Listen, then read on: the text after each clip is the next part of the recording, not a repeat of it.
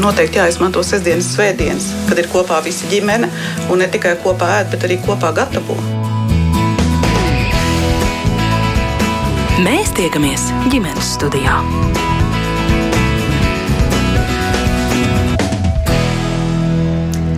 Labdien, raidījums ģimenes studija sāk savu skanējumu, un jūs sveicina tā producente Ilze Zvaigzne. Mans vārds ir Agnes Linka, un nu tad vēl vienu reizi laimīgu gadu jums visiem no mums.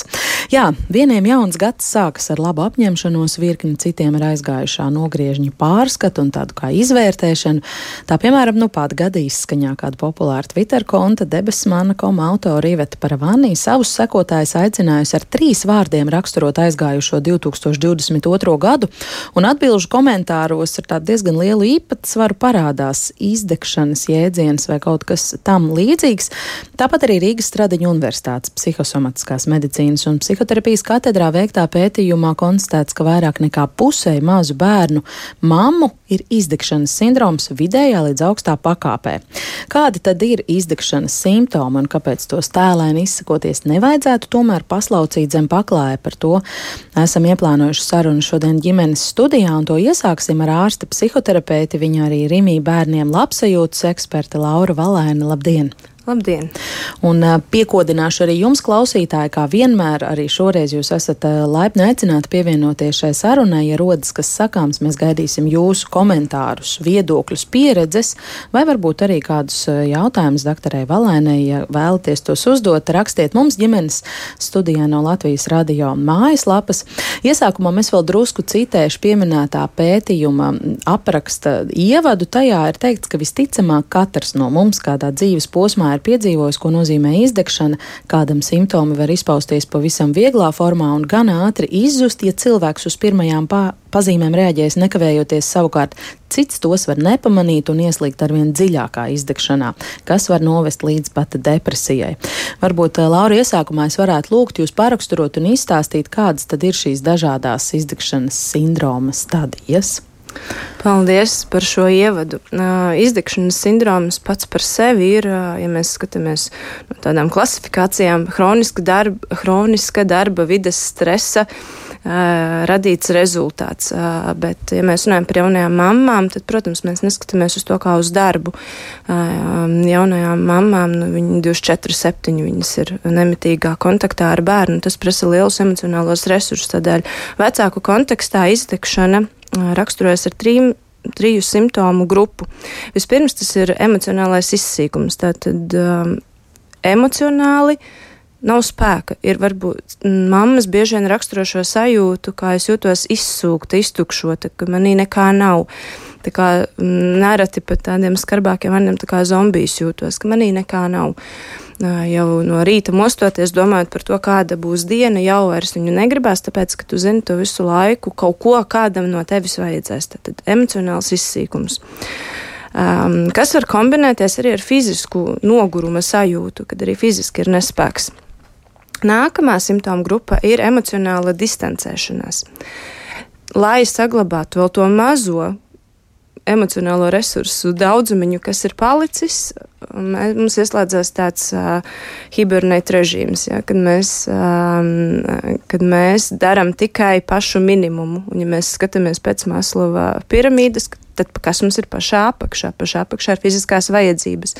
Paēst, padzert, aiziet uz labierīcībām un būt pajumtē. Un tas ir tas, kad izdegšanas stāvoklī mammas ir spējīgas fiziski parūpēties par bērnu, bet um, emocionāli viņām nav spēks. Viņas izdara to minimumu, un viņām ir grūti iesaistīties spēlēs. Bērns skraida apkārt, mammu paspēlējas, mammu, kur tu esi, bet nav, nav spēks pieslēgties bērnam. Un trešā ir personīgo sasniegumu mazināšana, kad nav vairāk prieks būt mammas lomā, nav vairāk prieks būt kopā ar bērnu, ir izmainījusies perspektīva par to, kādam vecākam ir jābūt. Lielākoties pirms tam vecāks ir domājis, es, es centīšos, es darīšu labāk nekā man bija, un tā tālāk, bet viņš attopās tādā momentā, ka viņš vairāk nespēja. Un tad ienāk ja klāt arī vainas izjūta un kauns. Abas šīs sajūtas, jo saprot, ka kaut kas īsti nav. Um, un sevi vaino, bet, diemžēl, vainošana jau nepalīdz no šī izkāpt, jo tā ir sevis kritizēšana. Mm. Jūs pētījāt vai aptaujājāt tātad jaunās māmiņas, par, par, par cik jaunām māmiņām mēs runājam, par cik mazu bērnu māmām šai gadījumā? Mm, pētījumu, pētījuma autore ir nu jau, dak, nu jau rezidente, doktora Ilze Madara Brūvere, un viņas, viņa aptaujāja mammas, kuras, kurām ir vismaz viens bērns vecumā līdz septiņiem gadiem. Ja mm. mammai ir bērni, kuriem kuriem ir vairāk kā septiņi gadi, viņš tika izslēgts no šī pētījuma. Mm. Jo arī fokus vairāk bija skatīties, kas notiek ar mazu bērnu mamām. Uh, Un kopumā tās bija 831 mamma, kas piedalījās pētījumā. Mm. Un šis izdegšanas sindroms, kā dati liecina, tātad vairāk kā pusei vidējā līdz augstā pakāpē. Ko nozīmē vidēja līdz augsta pakāpe? Tas nozīmē, ka simptomi, emocionālais izsīkums, distancēšanās un persona, tad šī sajūta par sevi mammas lomā, tas nozīmīgi ietekmē kontaktu ar bērnu tā tad uh, ir grūti funkcionēt un uh, būt tādam gana labai mammai ikdienā. Mm -hmm. Tad, tad uh, jau paliek grūti kontaktēties ar bērnu, nav vairāk motivācijas un tā tālāk. Tā kā, mm. Tas ir jau tāds, ko var pamanīt, ko arī paši vecāki lielākoties atpazīst, ka es vairāk nejūtos labi. Mm. Bet tas ir māmu pašvērtējumā, ka viņas pašas saka, varētu būt šis emocionālais izsīkums, distancēšanās. Reizēm jā, tomēr eh, pētījumā tika izmantota aptauja, līdz ar to varbūt nu, īstenībā mēs ļoti daudz cilvēki mēdzam dzīvot emocionālā pārslodzē un nemaz nesaprast, ka mēs tur esam. Mums var likties, ka tā ir jaunā norma. Un tad Mums nav datu par to, vai subjektīvi viņas jūtas izdegušas. Eh, to uzrāda šie rezultāti, bet uh, lielākoties uh, jautājot šīm mamām, kurām rezultāti ir augstāki, viņas arī spēja novērtēt, ka jūtas nogurušas, ka nav spēks, ka neko vairāk negribās, ka viss ir par daudz. Mm. Cik biežas ir tās situācijas, ka sievietē varbūt ir šie izdegšanas simptomi, izdegšanas sindroms pietuvojies, bet uh, viņa pat to neapzinās?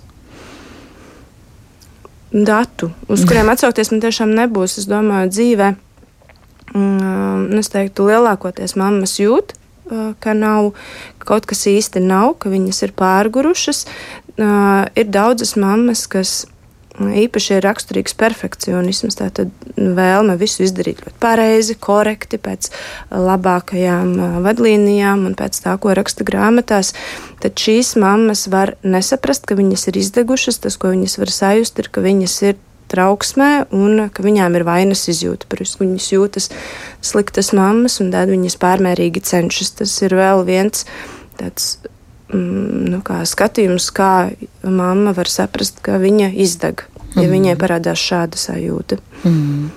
Jā, jūs pieminējāt perfekcionismu. Nu, kas tad vēl ir tie riska faktori, kas, kas mūsu dzīvē īpaši provocē izdegšanas procesu? Būtībā lielākie ir divi - zemes, zema pašcieņa, zemes pašvērtējums un tad perfekcionisms. Šie ir divi būtiskākie. Ja mēs skatāmies uz citiem riska faktoriem, kas ir vecums, bērnu skaits, ģimene, mm, cik ir bērniem gadu, tad šeit parādās saistības, bet tās nav tik nozīmīgas. Ko tas nozīmē nu, priekš klausītāja, kuram nav statistikas zināšana? Mm. Tātad, tas nozīmē to, ka kaut ko mēs redzam, ka, ja vairāk bērni, tad biežāk mammas izdeg, vai, ja mammām lielāks vecums, tad biežāk viņas izdeg, bet arī jaunām mamām ir bieži izdegšana, un arī mamām ar vienu bērnu ir bieži izdegšana. Tā kā šeit nav tik nozīmīgi tie dati. Tad, ģimenes stāvoklis. Vienīgi, ja mamma ir šķīrusies vai ja viņa audzina bērnu viena, tad ir biežāk izdegšana. Un bērnu skaits vecums, mm, bērnu dzimumi, tam tik nozīmīga loma nav. Mm. Līdz ar to vairāk tie ir pašas mammas faktori, jo izdegšana veidojās nu, viens veids, kā uz vecāku izdegšanu skatīties. Nav balanss starp to, ko mēs sagaidām, kādiem mums kā vecākiem jābūt, ko sagaida sabiedrība, un tam pretī ir resursi, lai to nodrošinātu. Un tad, ja šo resursu nav, bet ir augsts prasīgums gan no sevis, gan no apkārtējiem, nevajag vienmēr sevi. Reizēm tie ir vecāki, kas stāsta, kā tevi man, es savā laikā varēju to, kā tu tagad to nevari. Um, bet, bet šobrīd ir citu, re, citi resursi, tas arī var veicināt izdegšanu. Tas drīzāk ir par balansu un par tiem resursiem, kas ir pretī visām prasībām. Mm -hmm. Vai vispār šī ir tāda satraucoša aina? Tātad vairāk nekā pusē, 52% māmiņu ir izdegšanas sindroms vidējā līdz augstā pakāpē. Nu, un kas par to? Jā, šī ir ļoti satraucoša ziņa. Tas ir nozīmīgi, jo, kad kolēģi šo darbu izstrādāja un veicot literatūras apskatu, Pirms tam Eiropā datētais biežums ir 2 līdz, um, tad, tad 2 līdz 12% izdegšana un uh, ASV 5 līdz 20%. Šie dati bija pirms Covid. Protams, Covid pandēmijā dati ir auguši, un šis ir uh, konkrēti par pandēmijas laiku, bet tas ir daudz, tie ir 50% māmiņu um, puse. Un, ja mamma ir izdegusi, viņa, viņa ir grūti būt klātesošai un sniegt bērnam emocionālu atbalstu. Un, protams, fiziskās vajadzības nodrošina, bet reizēm bezspēks vai nogurums var būt tik liels, ka ir grūti arī parūpēties par fiziskām lietām, bet tad mēs skatāmies, vai nenāk klāt jau depresija.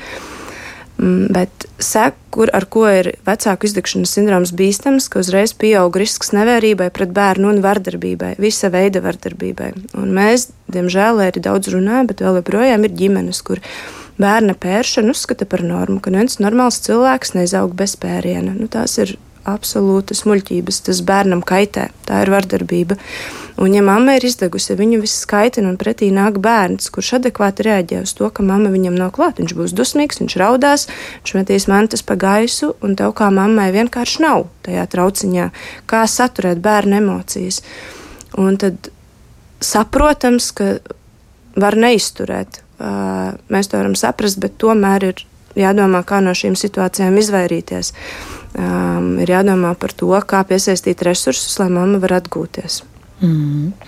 Droši vien, ka par resursu piesaisti tālāk arī viss mūsu galvenais eh, sarunas fokus, um, un tāpēc šobrīd mūsu sarunai pievienosies kāda māma par to, kā viņa saskārās ar izdegšanas eh, sajūtu un ar šiem izdegšanas simptomiem. Ģimenes studijai pastāstīt piekrit mana kolēģa, žurnāliste Inga Spriņģa. Viņai ir trīs bērni un jaunākie vēl pavisam mazi dviņi. Paklausīsimies Ingas teiktajā. Es sapratu, ka galīgi nav vairs labi, ir šī gada kaut kāds maijs agrs pavasaris. Tās pazīmes bija tādas, ka man vienkārši neko negribējās. Man bija tik drūmi, jo es esmu pēc būtības ļoti trauksmaina. Man vienmēr ir kaut kāda trauksme jautājums, cik kurā dienā būs tur spēcīgāks, atkarīgs no noguruma pakāpes un tā tālāk.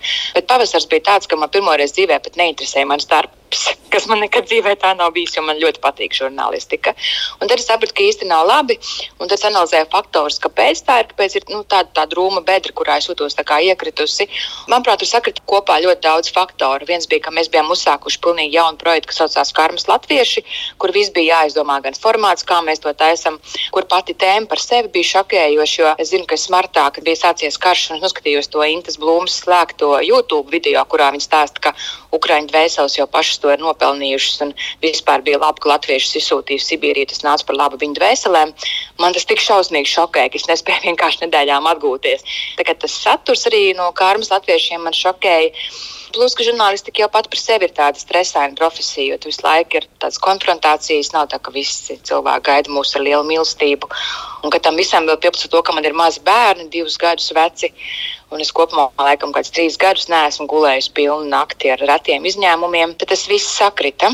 Nu, un vēl viens faktors - karš. Es ļoti pārdzīvoju to visu. Nu, līdzīgi kā mēs visi, kad nemitīgi tur redzam tās jaunās ziņas, kas pienāk, visas izvarošanas bērni, kārtējie sprādzieni. Un tas viss, domāju, ļoti rezultējās. Un tad bija kaut kāds mājas, kad es sapratu, ka es neko negribu. Es vienkārši neko negribu. Es negribu ne strādāt. Man bija panika, kā es turpmāk izdzīvošu, jo man nav ne spēka, ne vēlēšanās kaut ko darīt. Un tad es sazinājos ar vienu psihiatru, un viņš teica, nē, tā nav vienkārši trauksme, tur ir kā, nu, depresijas pazīmes. Un viņš man izrakstīja zāles. Bet, ja godīgi, līdz galam es nesaprotu, vai tie bija antidepresanti. Man ir jādzer vienkārši pirms naktas, jo viņi tā kā uzlabo miegu, lai es varētu to ar nu, miegu nokompensēt. Un tad es mēnesi nodzēru tās zāles, un pēc mēneša es sajūtu, nu, ka ir daudz labāka. Joprojām bija tā trauksme, tas nemieris un gruzdoņa, bet to var tādām ārējiem faktoriem izlīdzināt. To es jau zinu no savas dzīves pieredzes. Tad ir jāpadomā vairāk par atpūtu, kad ir jāaiziet pastaigāties, kad ir jāpavingro, jāpalās kāda vieglāka grāmata vai vieglāka filma jānoskatās. To tā kā var menedžēt, bet man nebija vairs tā nenormālā bezcerība, kas bija tajā maija sākumā. Bet eh, diezgan eh, grūti apturams vai uz pauzes nenoliekams eh, faktors. Tie ir mammas pienākumi. Cik lielā mērā to ir izdevies izlīdzsvarot? Tagad viņiem ir tūlīt būs divi ar pusi gadu, un es eju, kas sāk palikt vieglāk. Nu, pirmkārt, nu, viņi diezgan vēl sāk staigāt. Visu dara normāli, bet viņi darīja vēlāk nekā būtu mans vecākais bērns savā laikā darīja lietas. Un es ar, ar katru to soli, ar pusgadu jūtu, ka paliek ar vien vieglāk elpot, ka viņi sāka paši staigāt, viņi sāka paši vairāk ēst. Es joprojām arī pagājušā naktī gāju divas reizes, jo vienu reizi es pat neatceros, kurš raudāja no viņiem pirmais un bija knupis pazudis. Un otru reizi es gāju, un tad meitene par ko negribēja iet atpakaļ gulēt. Es paņēmu viņu pie sevis blakus. Protams, viņa pat naktī grozās, man blakus ir plēkam ceļos augšā un tur uzklāja viņai sēgu vai tur iespārdi mani. Tā naktis paiet tāda pusgulēta. Tas, ko es izdarīju vēl tagad, jo rudenī es gāju arī pie ilgiem laikiem pie profesionāla karjeras koča. Jo es sapratu, ka man nevajag terapeitu, bet man gribas vispār saprast, kā dzīvē mazināt stresu. It sevišķi profesijā, kas ir žurnālistika, pētnieciskā žurnālistika, kas ir ļoti pilna ar stresu. Un man ļoti palīdzēja šī konsultācija. Viena konsultācijas reize ar šo profesionālo kauču. Bet es biju sagatavojusies, es zināju, ko es gribēju. Un viens no jautājumiem, ko es gribēju saprast, kā mazināt stresu. Vai man ir jāmaina pilnībā darbs, vai es varu kaut kā transformēt to darbu. Un tad mēs nonācām pie vairākiem secinājumiem, un divi tādi svarīgie, kas bija jā, tas miegs, ka joprojām man nav miegs, un viņas ieteikums bija, ka varbūt mēs varam ar vīru pa nakti mainīties, un, piemēram, uz maiņām viena nakts ir vienam otru otram, un plus es vēl lieku ausu aizbāžņus, jo es tāpat pamostos, kad es dzirdu, ka bērns raud. Nu, es, es nevaru nedzirdēt to, tas, laikam, ir mammas instinkts. Nu, ja godīgi, to mēs neesam ieviesuši. Es piekrītu, ka tas būtu labi, bet kaut kā neesam ieviesuši. Bet tas, kas man palīdzēja, ko viņi pateica, un kurš tā kā bija kļūdījusies pati, mēs secinājām, ka man nav nevienas hobijas, kas man sagādātu prieku jo man ir darbs, kuras atdodu sevi, ir ģimene, kuras gan gūst, gan arī atdod daudz sevi. Pat nav, kur man pašai pasmelties, kas nav darbs, kaut kāda enerģija. Un es līdz šim biju domājis, ka tā enerģija un laiks priekš manis ir, kas izēja pastaigā vai es pavingroju tur mājās, jogu uztaisu, nu tādas aktivitātes. Un viņi teica, nē, tas ir veselībai, tas ir sports, to joprojām vajag, tas ir ļoti būtiski, bet kaut ko radošu vajag, kur pilnībā noslēgtos domas uz citu pusi. Un tad viņi teica, iedod sev pusgadu laiku, atrast šo hobiju, kas tev sagādātu prieku. Nevajag arī uzreiz pateikt, ka man ir jāatrod nākamajai, kas atkal rada jaunu stresu. Bet saprot, ko tu gribētu darīt. Un tad tā kauča arī sevi minēja, ka viņa, protams, dejo Argentīnas tango vai nodarbojas ar aušanu, ka viņa kaut ko tādu pilnīgi paralēli ir atradusi. Tad šobrīd esmu tādos tā kā meklējumos. Es sāku iet uz dejošanu, par ko es sen jau domāju, tādu fizisku aerobikas dejošanu. Man šobrīd ļoti patīk. Kā redzēs, pēc pusgada jāpajautā man, vai es tur vēl būšu. Bet, uh, Tas šobrīd ir tas, ka, jā, ka es izēju ārā vakarā no mājas, un tu vari sarunāt. Jo pēc tam man likās, ka es taču nevaru, man visu laiku ir bērni, un man nebūs laika, un kā es viņus atstāšu. Bet, nu, laikam, kā vienmēr, kad tev dzīve piespiež tik ļoti, ka tu vairs vienkārši nevari, nu, nav vairs iespējas dzīvot tā. Izrādījās, ka varēja gan ar vīru sarunāt, un viņš labprāt mani palaiž, un es varu aiziet to reizi vai divas reizes nedēļā uz savu dejošanu. Mēs tiekamies ģimenes studijā. Jā, un tāds lūk, Ingas stāsts, ko tam varētu piebilst. Es redzēju, ka jūs aktīvi veicāt pierakstus arī mm, Ingas stāstītā laikā. Tā tad ir droši vien kaut kas, ko komentēt vai akcentēt. Jā, šis stāsts tiešām ir nu, daudzi, daudzas klausītājas, arī klausītāji uh, var sevi tajā ielikt, viņš dzīves un patiesas. Un tās svarīgās lietas, kas tieši pie izdegšanas, tā arī ir tas, ko Inga minēja par trauksmi. Um, trauksme, kroniska, nepārējoša, nemitīga nemiera sajūta ir tā, viņa arī rodās no tādām perfekcionistiskām iezīmēm. Trauksme ir negatīvs pareģojums par nākotni, notiks kaut kas slikts. Un kāpēc mēs dzīvojam visu laiku trauksmē? Tāpēc, ka nu, mēs esam pieredzējuši, ka kaut kādu mūsu rīcību dēļ kaut kas notiks, tad mēs visu laiku skatāmies, lai, nekas, lai mēs novērstu, novērstu visus iespējamos šķēršļus.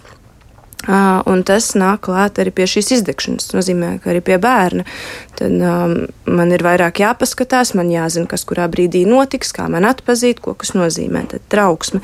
Un raksturīgā sajūta, ka agrāk tā nebija. Pēc tā arī mammas var atpazīt, ka tad, kad jūs domājat par bērnu, jo tad, kad bērns piedzima, tad jums bija vīzija, kāds vecāks jūs būsiet. Un šobrīd jūs attopaties, ka ir ļoti tālu no tā šīs izmaiņas, šie vārdi agrāk tā nebija. Tas ir ļoti būtisks tāds um, moments, pie kura sevi varat pieķert. Un miega traucējumi, ja mēs neguļam, jūs varat dzīvot cik labu dzīvi jūs gribat. Jūs varat iet uz sporta zālēm, ēst veselīgi, rūpēties par attiecībām, bet ja jūs negulēsiet, jūsu ķermenim nav kur reģenerēties. Uh, Un nākamais moments, kā arī Inga minēja, tad psihiatrs izrakstīja medikamentus. Um, Kas uzlabo miegu? Jā, kas uzlabo miegu ar, ar, lielu, ar lielu varbūtību. Tie arī var būt antidepresanti. No antidepresantiem nevajag bīties. Viņiem, kā jau jebkuram psihotropiem medikamentiem, viņiem ir ļoti dažādu veidu darbības un atkarīgas no mūsu ķermeņa. Bet moments, kad jūs nesat vienkārši izdeguši, bet jau depresijā, ir tad, kad jums parādās bezcerība. Un tā ir trīs emociju kombinācija. Visas trīs bez. Bezcerība, bezpalīdzība un bezspēcība, bezspēcība kas neko nevaru ietekmēt. Neviens man nevar palīdzēt un tā būs mūžīgi. Un tur jau ir šī depresīvā komponente. Un, ja izdodas to uztvert, ātri tikt pie palīdzības, tad, tad ir viss labi. Un tā ir tā robeža. Tad, kad pievienojas bezcerība, tad tur nav ko gaidīt. Tad ir jāvēršās pie profesionāla speciālista. Mm -hmm. uh, un tad par šo stresa mazināšanu. Viens ir mēs varam mazināt stresu, kas ir būtiski, uh, bet mēs dzīvojam laikmetā, kur mums vienmēr būs stresori. Mēs no tiem nevaram izvairīties. Mēs varam audzēt savas spējas, tikt ar šiem stresoriem galā. Un hobijs ir, um, ir, ir viena būtiska lieta, jūs iegūstat prieku. Un prieks mūsu ķermenī ieslēdz parasimpātisko nervu sistēmu, viņš šo spriedzi arī atbrīvo arī fizioloģiskā līmenī. Mm. Tāds. Tad uh, es no jūsu puses saprotu, ka var uh, ļoti atzinīgi vērtēt un, un, un pasvītrot tieši šos um, Ingas rīcības tādu mhm, schēmu mm -hmm, vai, vai, mm -hmm, vai, vai mhm. plāna punkts, ko viņi darīja mm -hmm, tieši, jā. lai resursus um, no tāda resursu atjaunošanas jā, viedokļa. Jā, lai, lai iegūtu to balansu starp to, tad, tad, kas ir tās prasības, gan, gan reālās, gan savas uzliktās, kādam jābūt mājās, kādam jābūt darbā, un pretī kā to nodrošināt. Mm. Un, Un šis ir tāds uh, bieži dzirdēts, ka es jūtos izdegusi, bet, uh, bet es jau nevaru neko ar to izdarīt. Es esmu vai viens, vai mēs esam maza ģimene, vai vecāki dzīvo tālu, vai neviens nevar palīdzēt. Kad tiešām sāk šo izpētīt, reti, kad tā tiešām ir. Uh, bieži vien nu, tomēr ir kāds kaut vai darba kolēģis, vai kāds draugs, vai kaimiņš, kurš var palīdzēt bērnu uz kādām pusstundu, stundu pieskatīt. Un tad tas nākamais šķērslis, kad atrodot to, kas varētu piestīt, ar ko mēs sastopamies, ir kauns. Mums ir kauns prasīt palīdzību, jo mums taču ar visu jātiek galā. Mm. Bet vēl ir viens tāds būtisks aspekts, nu, ka bieži tiešām zem šī man nav iespējas slēpjas eh, kaut kas ehm, nu, tāds ļoti liels un problemātisks un nav noslēpums. Nemitīgi mēs ziņās arī laik pa laikam dzirdam šo statistiku, ka trešdaļa Latvijas iedzīvotāji dzīvo uz nabadzības sliekšņa. Vai ir kāds ieteikums arī tām mamām, kurām domāt par laiku, par resursiem sev nenozīmē tikai atrast uh, iespēju kaut kur uh, iziet tieši laika ziņā, bet nu, jā, ka ikdienā ir mm, jādomā par tādu pamatvajadzību apmierināšanu, un tas ir tik problemātiski, ka tur tiešām arī līdz finansiālais resurss šādai, šādai kaut kādai sevis atslogošanai vai uzlādēšanai nav iespējams. Un šeit ir no dažādām pusēm šo var skatīties. Pirm, šādās situācijās ir triju līmeņu iesaiste. Ir gan cilvēka individuāla atbildība, gan tāda kolektīvā, kas ir eh, ģimene, draugi, sabiedrība mums apkārt, un tad ir trešais līmenis, kas ir valsts līmenis. Un pie izdegšanas vienmēr ir kaut kas no šiem visiem trijiem. Sākot ar uh, valstiskā līmenī, ar atbalstu ģimenēm, ar, ar, ar pieeju pēc resursu pieejamību un tā tālāk. Tas ir tas, ko mēs šodien, es domāju, plaša tēma, bet ne šajā reizē runājam. Nākamā ir sabiedrības atbildība. Kad vēl joprojām sabiedriskajā tramvajā iekāpjot, nav tā, ka vienmēr mammas ratiņiem palaiž pa priekšu. Tāds, kā piekšā, ko tu mums traucē. Tā kā tāda sabiedrības līmeņa atbildība un iesaiste, kad ir jaunā māmiņa, nu mēs varam kādu reizi pajautāt, varbūt tev atnes siltas pusdienas vai vakariņas, varbūt izē ārā mhm. pastaigā. Uh, un kas ir individuālais līmenis, nevienmēr hobijs nozīmē, ka tas ir par finansēm, nevienmēr tas to nozīmē. Mēs varam arī um, Mm, tas, tā ir arī grāmatas lasīšana, bet šeit ir jāsaprot, ja cilvēks ir spriedzē par finansēm, nu, ir jānodrošina pamatvajadzības. Ja nav pamatvajadzības, tad tos pārējos līmeņus ir grūti. Un šis tāds apburtais lokus, kad ir nepieciešama ārēja. Mm -hmm. Ja, un, nu jā, un arī klausītāji iesaistās. Um, paldies viņiem par to mūsu sarunā. Anna raksta um, pavisam tieši paldies par tēmu, bet reāli kas ir pirmais solis, ko darīt, kad viss šķiet bezcerīgs un maksimums, ko dzīvē gribētos, ir vienkārši beigt eksistēt. Gribētu saņemties, bet vairs nešķiet, ka vairs ir vērts. Šā, pie šī apraksta konsultācija pie psihiatra. Kāda ir tā pieejamība? Psihiatru pieejamība ir lielāka nekā ārstu psihoterapeitu pieejamība. NVD mājaslapā var atrast um, valsts apmaksātos psihiatrus, un tur arī rindas, cik ilgi ir jāgaida. Um, ir arī maksas psihiatru palīdzība, bet šādā gadījumā pie šādām uh, izjūtām uh, varat uztaisīt drošībai depresiju LV depresijas testu, jo šis vairāk ir par depresiju, nevis par izdegšanu un psihiatra konsultāciju. Jā. Paldies par šo padomu. Es domāju, ļoti svarīgi arī to daudziem likt aiz auss. Es atgādināšu, ka ģimenes studijā mēs šodien runājam par to, kā vecākiem nepakļaut sevi izdegšanas eh, sindromam un ko darīt, ja tas jau ir pielavījies. Man viešņa radījumā jau kopš paša sākuma ir ārsta psihoterapeita Laura Valēna, un šobrīd mums sarunā pievienojas arī psihologs Rīgas Stradiņa universitātes docētājs Rēnis Upenieks. Labdien! Labdien! Dzirdat, mums patīkami prieks. Es apzināti kādu laiku iepauzēju arī ar eh, tādu jautājumu virzienu, par ko ir sabiruši daži komentāri arī mūsu uh, ziņojumu pasta kastē, un arī man, protams, ir ieplānots par to runāt, bet tiešām gribēju sagaidīt, ka Reinis pievienojās. Uh, mēs runājam par vecākiem un tad par mamām, mamām, mamām.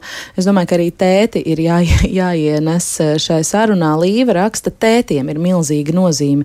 Gan tas, ka bērns jau no mazotnes pierod, ka viņam ir divi funkcionāli vecāki, gan tas, ka mamma ir mirklis atvilkt elpu, kad tētis nomēna pampers un paspēlējas ar mazuli. Protams, tētiem strādājot, eh, ir grūti 50 uz 50 iesaistīties, bet pat 70 pret 30% milzīgi palīdz mammai. Tas ir laiks svaru zālē, pie friziera vai kaut vai vienkārši pasēdēt citā istabā telefonā. Tēti ir nenovērtēti ģimenes emocionālajā labklājībā. Viņi var kardināli mainīt visu dinamiku, vienkārši vairāk eh, iesaistoties. Rēnis es gribu lūgt uh, jūs varbūt iezīmēt šajā aspektā, kā ir ar tētiem.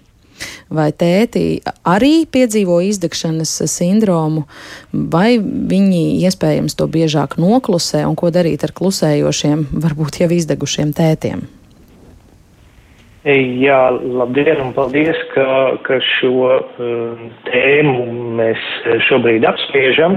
Man ir jāsaka, droši vien līdzīgi kā kolēģei, ka, ka tiešām datu, uz kuriem atcelties, uh, nav, taču es uh, varbūt uh, iezīmēšu to otru pusi, kas ir tā, tā pretējā tādai nu, datu pieejai, proti, nu, kā šķiet, kā sabiedrībā izskatās, un respektīvi es runāšu par, par, par stereotipiem, un proti par dzimumu stereotipiem, kas arī šai gadījumā, es eh, teiktu, vairāk sliktuma izdara nekā labumu, proti, kas ir tās lomas, ar ko asociē, piemēram, mm, kāds vai kādi no, no, no, no tēviem, cik lielā mērā mm, viņam vispār ir jāiesaistās sava jaunā mazā bērna dzīvē.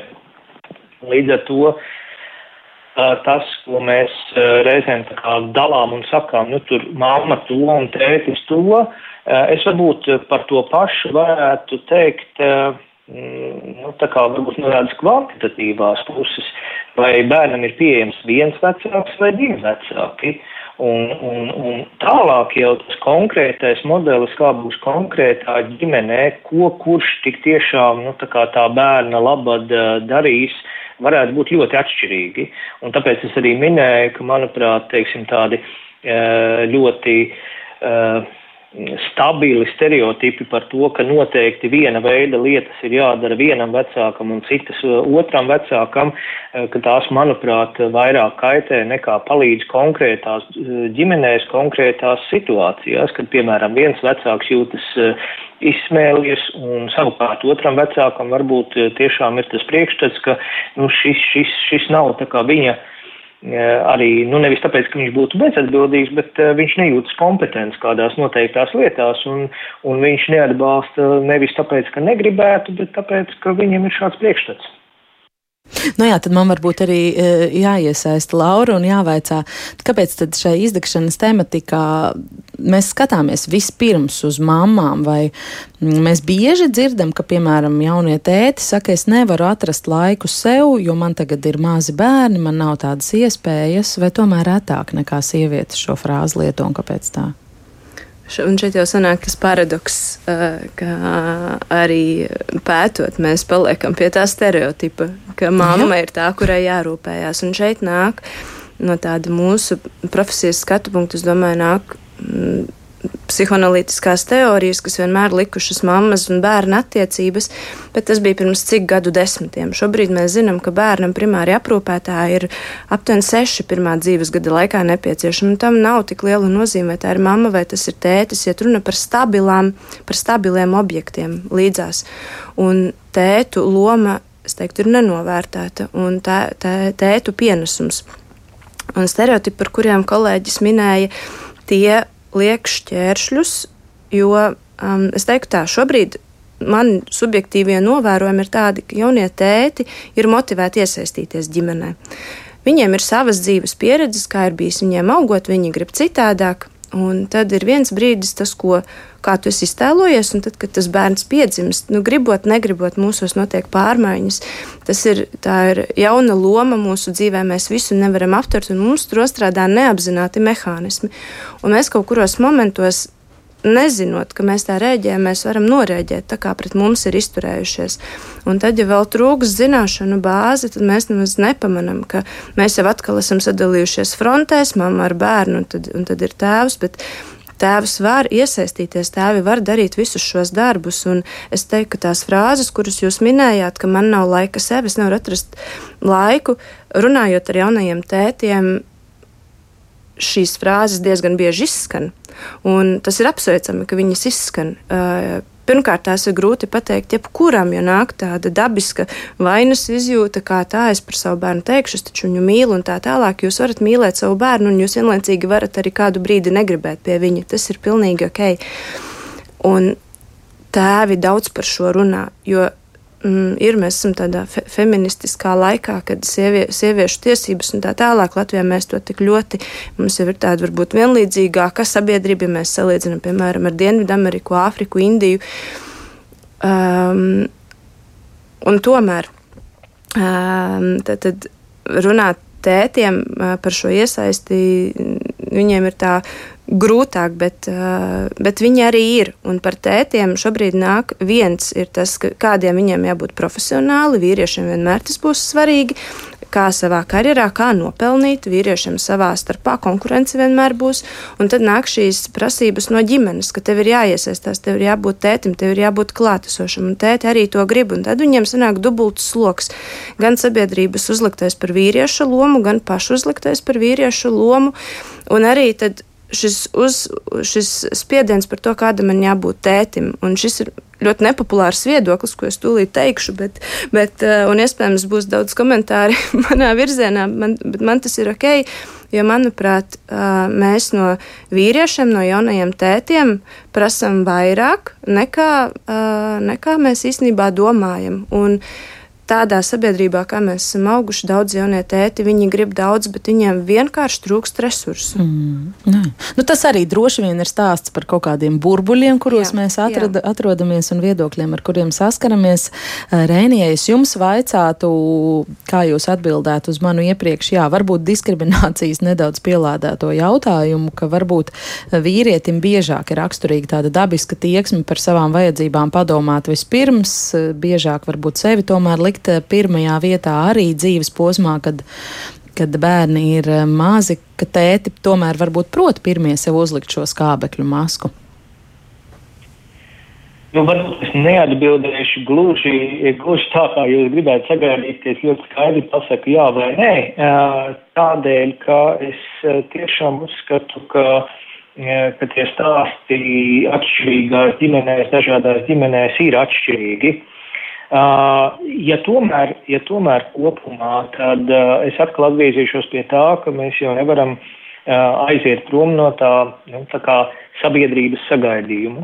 Un šai gadījumā droši vien, ka, um, ka, ka māmiņām ir grūtāk salīdzinot ar tētiem uh, paust šāda, šā, šāda veida viedokļus, ka, piemēram, es esmu nogurusi no bērna, jā, un, un, un piemēram, šāds izteiciens droši vien virknē radinieku vai citu cilvēku uzreiz izraisītu, nu, zināmas negācijas.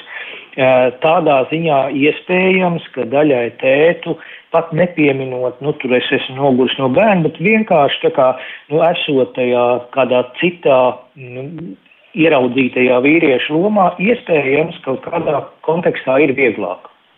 Bet, kā jau jūs arī teicāt, tur ir savukārt tie, tie citi sagaidījumi, kuri tik un tā, nu, tās, tās grūtības raisa.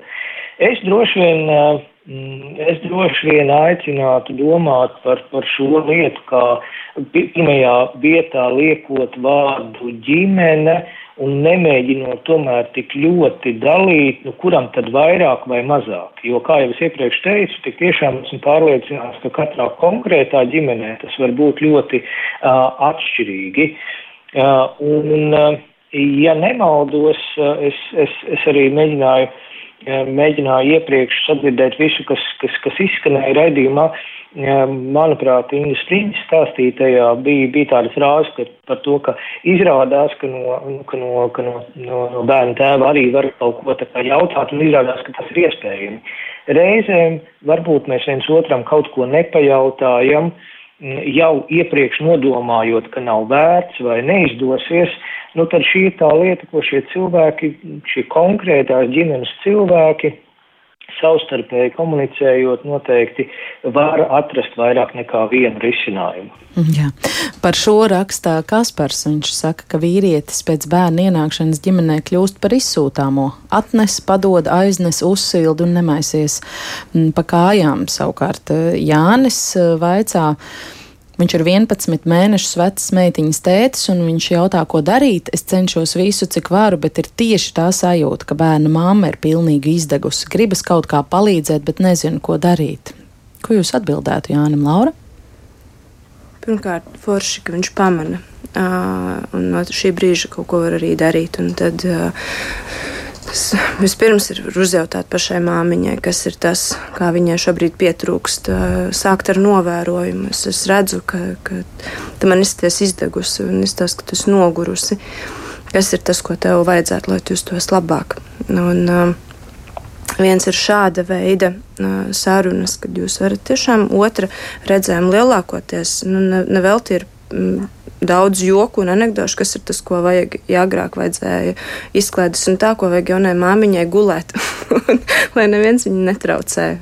Tas var būt, ka jūs ka mamma paliek uz dažām stundām dzīvoklī mājā viena pati, viņa vienkārši izguļās. Viņa, viņa vienkārši nedara neko vai, vai sarūpēt kaut kādu dienu bez jautājums, protams, kā ir ar, ar barošanu paralēli, bet var, var šīs situācijas risināt. Tomēr šeit svarīgi saprast, no kā tieši mamma jūtās izdegusi. Um, nu, tāds viena atbilde nebūs, bet sākt ar novērojumu un pajautāt, ko pati mamma gribētu. Un, ja atbilde ir, ka nezinu un neko, tad var, var rosināt arī, ka nepieciešams varbūt kāds konsultācija uh, no kāda speciālista, ārsta, psihoterapeita vai psihiatra tīri, lai saprastu, kurā posmā viņa savā veselībā atrodas. Mm. Tad, ja māma piekrīt un atzīst, ka varbūt viņa tiešām ir nogurusi, jo droši vien var būt arī tādas situācijas, kad cilvēks ir tik ļoti pārņemts ar savu jauno lomu, ka viņš vispār mm. atsakās atraut rokas no tā bērna un pats nesaprot, ka ripo mm. lejup no kalna. Reina, kā jūs atbildētu Jānim? cenšos, cik varu, bet ir reāli tieši tā sajūta, ka bērna mamma ir pilnīgi izdegusi, gribas kaut kā palīdzēt, bet nezinu, ko darīt. Jā, es domāju, ka kolēģi ļoti, ļoti labi ieskicēja, un man tur pārāk daudz nav ko piebilst. Es aizdomājos drīzāk par to otru piemēru, jā, par to, kur, kur bija tā, tā sajūta, nu, ka tās ir kā izsūtāmais, un arī to, ko jūs tikko teicāt, nu, ka tā viena loma ir, ir, ir pārņēmusi visu dzīvi, proti jaunās māmiņas lomu. Un, un, un šīs abas lietas man kaut kā, nu, tā kā kopā kopā šķiet apskatāmas, proti, eh, ka ir taču arī attiecības eh, starp šo, šo sievieti un vīrieti, eh, un visticamāk, nu, ka, ka, ka ja viens no partneriem sajūtas, ka viņš ir kā izsūtāmais, es droši vien nu, pievērstu uzmanību tam, kas notiek viņu attiecībās, un ar lielu varbūtību atļautos izteikt tādu hipotēzi, ka ka iespējams, ka, nu, ka, tās attiecības tikpat kā vairs nav, jo, jo, jo šis partneris šobrīd tiek uzskatīts vairāk kā tiešām tāds nu, funkcionāls, ja, ka var aizbraukt, aizvest, atvest un tā tālāk, kur, kur izklausās, ka mazliet iztrūkst tā, tā attiecību, um, attiecību puse. Un, un, un šis, šis ir ļoti uzmanīgi nu, risināms, jo Jo diez vai ar tādu, nu, tā, tā, tādu pašapzinīgu jaunā tēva tekstu, ka klausījos tikko rādio, man teica, ka, nu, tā kā mums nav attiecība, diez vai tas būs līdzēts, ļoti uzmanīgi, nu, par šo, pie šī tā kā ietu klāt, bet tomēr uh, nepalaistu garām un, un, un skatītos, ko, ko darīt šajā virzienā, kas ir abu šo pieaugušo attiecības līdztekus tam, ka ģimenē ir ienācis uh, bērniņš.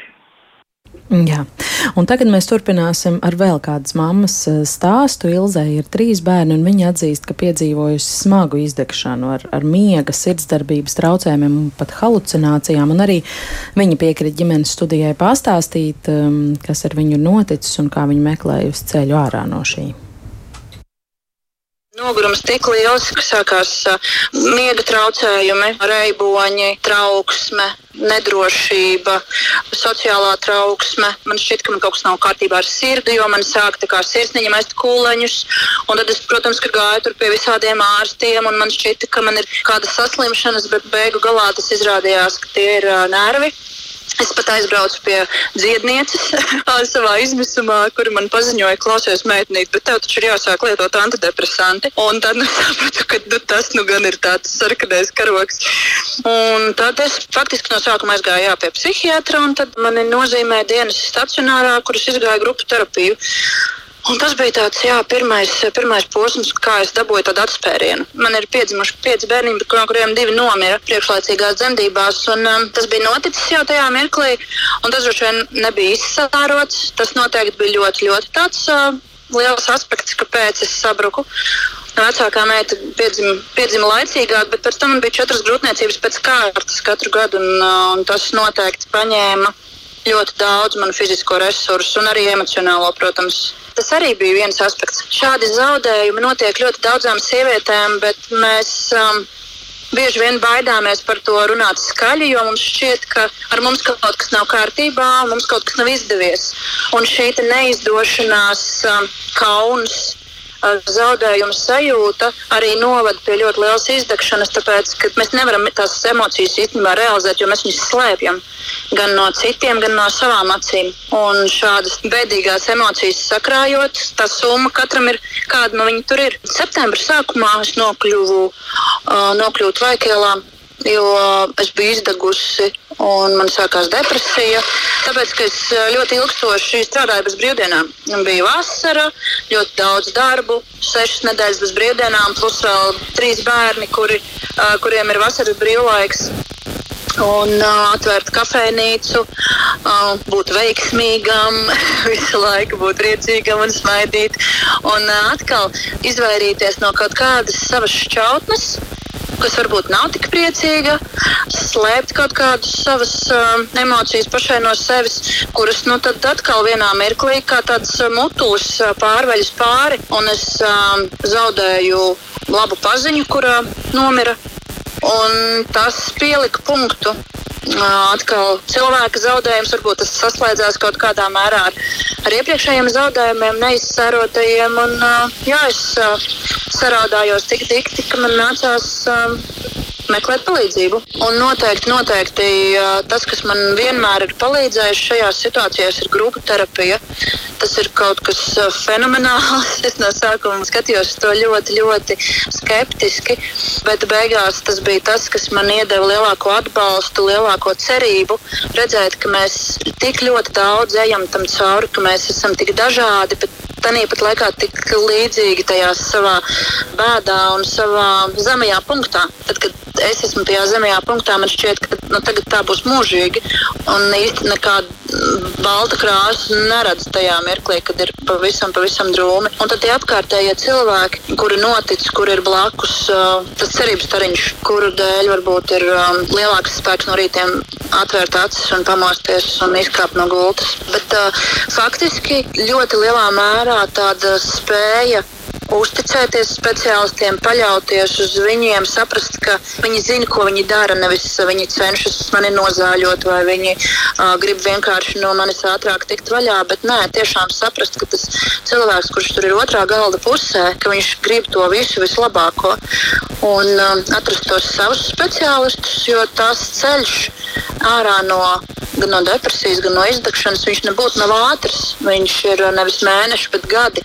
Man tas pašai izklausījās tā, ok, labi, tagad būs gadiem ilgi šādi te, bet nē, tā līkni iet augšup, un, un tie atkritieni ir arvien seklāki un seklāki un seklāki, un tu jau esi jā, spējīgs atkal funkcionēt un atkal paļauties uz, uz savām kājām un būt atkal tāds uh, labs uh, ceļu biedrs sev. Tas, kā es vēlētos redzēt to savu ikdienu, ir nevis domāt, ko es darīšu, kad izdegšu, bet kā neizdegt. Tas, ko mums um, klīnikā dresēja, kā tas ir paliknēs šodien, šonadēļ, šo mēnesi un šogad. Ieraudzīt sevi, priecāties par sevi un par tām ikdienībām, par spīti rutīnai, ikdienai, skrējienam. Tas būs. Nebūs tā, ka mēs um, izārstējamies un viss ar mums nekad nekas slikts nenotiks. Tās sliktās lietas jau notiek, un tas jau mūs norūda. Un, uh, tā ir tā cilvēka dzīve, bet kā mēs uh, tām lietām pirmkārt tiekam cauri, mēs nevis paliekam tajās uh, skumjās bēdās, bet mēs atrodam tos resursus, tad, kad mums ir labi. Uztrenējam viņus, tās pašas elpošanas un visu pārējo, lai tad, kad varbūt nav tās vieglākās dienas, Mums ir tie airi, ar kuriem pārērēties tajā dienai pāri, un tie airi ir tie resursi, ko mēs esam iemācījušies, uzzinājuši, pieredzējuši. Nedomāt, ka ar mums nekad tas nenotiks. Ar mums viss kaut kas var notikt, un tas ir forši, ka ar mums viss kaut kas notiek. Bet nevienmēr mēs varam izvēlēties tās lietas, kas ar mums notiek. Mēs varam izvēlēties tikai reakcijas un attieksmes, kā mēs uh, uz tām lietām raugamies. Laikam tas, ko es šajā izdegšanas epizodē dikti iemācījos un pieņēmu, tas, ka šī izdegšana un depresija, ka tā ir slimība, nevis mans garas stāvoklis. Nu, es taču cilvēkam, kurš ir salauzis kāju, nesaku, ko ņem to kruķi. Nu, pieņemt to palīdzību un saprast, ka tā tiešām ir nopietna saslimšana, un ar to nevar koķitēt, ar to nevar koķitēt ar dažādām lietām un, un procesiem to pašu. Vienkārši paņemsim lielāku slodzi darbā, un tad jau mēs nepamanīsim, kā mums varbūt gribās tomēr pievērst uzmanību sev un varbūt pagulēt ilgāk. Nu, tā kā apstāties.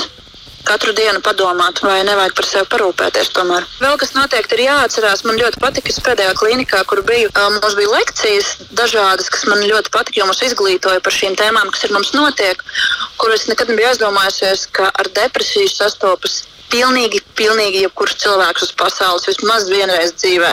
Tāpēc uh, par to ir jāizdomājas.